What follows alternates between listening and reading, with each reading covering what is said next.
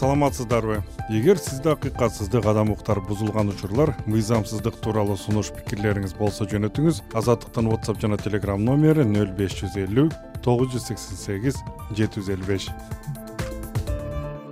Азаттыкка бишкек шаарынан юрист нурлан ибраимов кайрылган ал чүй облусуна караштуу ала мөдөн районунун көк жар айылынын сейитек көчөсүндө орун алган көп кабаттуу номер үчүнчү үйдүн жашоочуларынын атынан аюу курулуш жоопкерчилиги чектелген компаниясынын үстүнөн прокуратурага жана милицияга арызданганын айтат. Ибраимовдун айтымында аталган курулуш ишканасы колунда тогуз кабаттуу үй курууга уруксаты туруп он кабаттуу үй салып аларды сатып салган.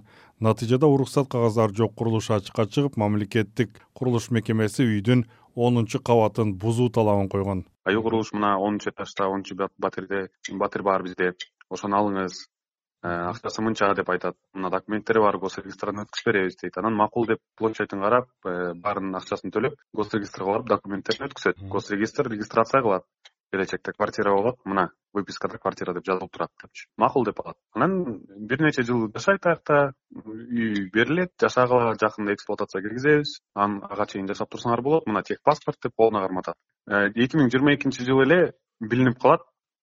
Биз госстройго кайрылабыз. Госстройдон сурап биздин эме документтерибиз бүтпөй атат техпаспорт бербей атат булар эксплуатацияга киргизбей атат. Биз учетко отура албай атабыз бул квартирага. Барып э, медициналык жардам ала албай атабыз балдарыбызды мектепке орното албай жатабыз дейбиз. Десек э, госстрой бизге жооп берет. Бул онунчу этажга документтер алынган эмес. Эч кандай э, уруксат курууга жок. Онунчу этаж такыр жок. Тогуз этажга эле болгон деп туруп анан госстрой штраф салат аюу курулушка.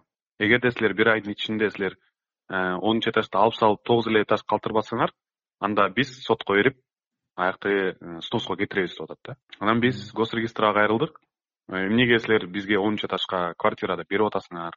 Көрсө тогуз эле этаж турбайбы жок квартираны биз сатып алыптыр силер регистрация кылбадыңар беле десек алар айтат биз разрешение на строительствонун негизинде кылганбыз. Макул деп биз архитектурага барып сурадык. Буларда онунчу этажга разрешение барбы десек жок деп бизге тактап берип атат да бунун баардыгы бизде видеосу дагы бар э, кат түрүндө дагы бар да. Тогуз эле этаж болгон жерге онунчу этажды сатып салып онунчу этаж бар кылып жок жерден бар кылып коюшту да. Гос органдар дагы аюу курулуш дагы. Булар ортосунда сүйлөшүү бар болушу мүмкүн да. Бүгүнкү күндө азыр жакында сотко берейин деп атат госстрой эми онунчу этажды снос кылабыз деп атат да алар. Аякта беш квартира бар биздин эле подъездде дагы башка подъезддерде квартиралар бар да. Алардын баары каяка барабыз азыр билбей турабыз. Үч төрт подъезддүү үй юрист нурлан ибраимовдун айтымында бишкек шаарына чектеш турган көк жар айылында орун алган бул көп кабаттуу үйдүн баардык тургундары колуна техникалык документтерин ала элек. Расмий пайдаланууга бериле элек үйдө жашоочулар бери дегенде беш жылдан бери жашап жатышат. Мындан улам бир катар тургундар расмий өкүл катары юрист нурлан ибраимовдун жардамы менен көзөмөл органдарга бийликке ачык кайрылуу жасашкан. Уважаемые надзирающие госорганы все эти жители обращаются к вам с просьбой принять меры. Урматтуу көзөмөл орган жетекчилери бул жашоочулар аюу курулуш ишканасына карата чара көрүү тууралуу суранат. бир дагы жашоочу азыркы күнгө чейин техникалык паспортторун колуна ала албай келет. Үй пайдаланууга бериле элек коопсуздук тууралуу эч ким жооп бере элек каттоого тура албаган жашоочулар балдарын бала бакчага мектепке бере албай жүрүшөт. Медициналык кызматтарды ойдогудой ала албай жатышат. Ошондуктан бул үйдү курган ишканага чара көрүү үчүн биздин коллективдүү арызыбызды кабыл алып коюңуздар. Поэтому просим принять меры и принять наше коллективное заявление бул арыз боюнча аюу курулуш компаниясына кайрылып комментарий сураганга аракет кылдык. Компаниянын өкүлү өзүн техникалык көзөмөл адисимин деп тааныштырган максат сталбеков көк жар айылындагы номер үчүнчү үйдүн жашоочулары менен сүйлөшкөнүн айтып азаттыкка үйдөдө турган жетекчилердин жоопторун күтүп жатышканын белгилеп түшүндүрмө берилбей турганын билдирди эми байке у аюу курулуш много представителей да? Я один из представителей да? Ошон үчүн мени эле жазгыла представитель аюу курулуш деп. Ошол деген ушундай маалымат берди анда эме күтүп турабыз депчи. Чо үстүңкү руководствонун ответин күтөбүз деп жазып койгула юрист нурлан ибраимов болсо аюу курулуш компаниясы күнөөсүн мойнуна алып онунчу кабатта жашап жаткан асель ибраимовага башка курулуп жаткан үйдөн батир сунушталганын айтып кыйла пайдасыз жана осол сунуш болгондуктан баш тартышканын маалым кылды мойнуна алышты. Алар айтып атат ооба биз анда э, келишимди жокко чыгаралы келгиле анан анын ордуна силерге башка батир берели дейт да башка райондон анан макул көрүп келели деп бардык. Барсак ал үйү псого бериле элек экен даже.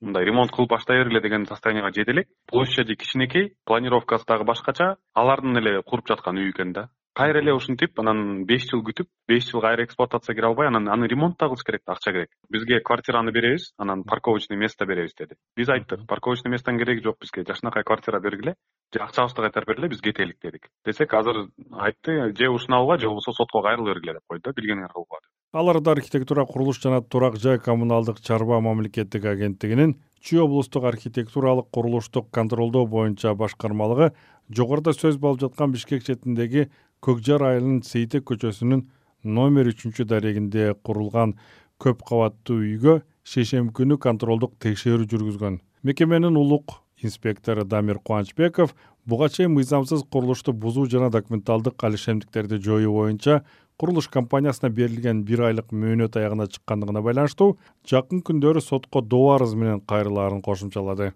Контрольный проверканы жүргүзгөндө ошо алардын факт нарушениясы ошо такталып конкретно жаздым. Канчага канча экенин э, метринан берип бүт указывать эттим. Анан эми материал сотко азыр даярдап атам. Биз уже буларга предписаниябызды бергенбиз. Бир ай бергенбиз ошо бир айдын ичинде алар аткарган жок деп. Сотко ошол эле довод менен беребиз да.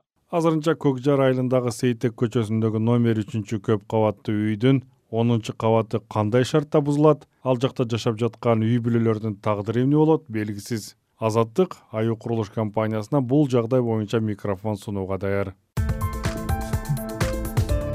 Өзгөн районунан байланышка чыккан төлөгөн жолдошов азаттык радиосунун иштешине каршы чыккандар тууралуу пикирин калтырган. Азаттыкка каршы чыккан адамдар чындыктын көзүн жапмакчы болуп аткан адамдар. Эң чындыкты айтып аткан ушул азаттык радиосу болуп атат. Кайсыл жерде туура эместик болсо элге жеткизип адамдарды туура жолдорду эскертип атат адамдарга азаттыкты бензин чачып өрттөбүз дешиптир бул акмакчылык да. Бензин чачып кандай кылып өрттөйт муну?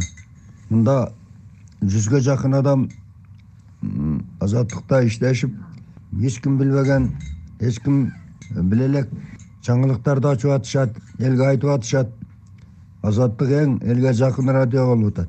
Ким буга каршы болсо элге каршы болду деген сөздү түшүнөбүз. Адамдар бул тууралыкты эч качан жоготпош керек. Биз азаттыкты колдойбуз менин атым төлөгөн фамилиям жолдошев өзгөн району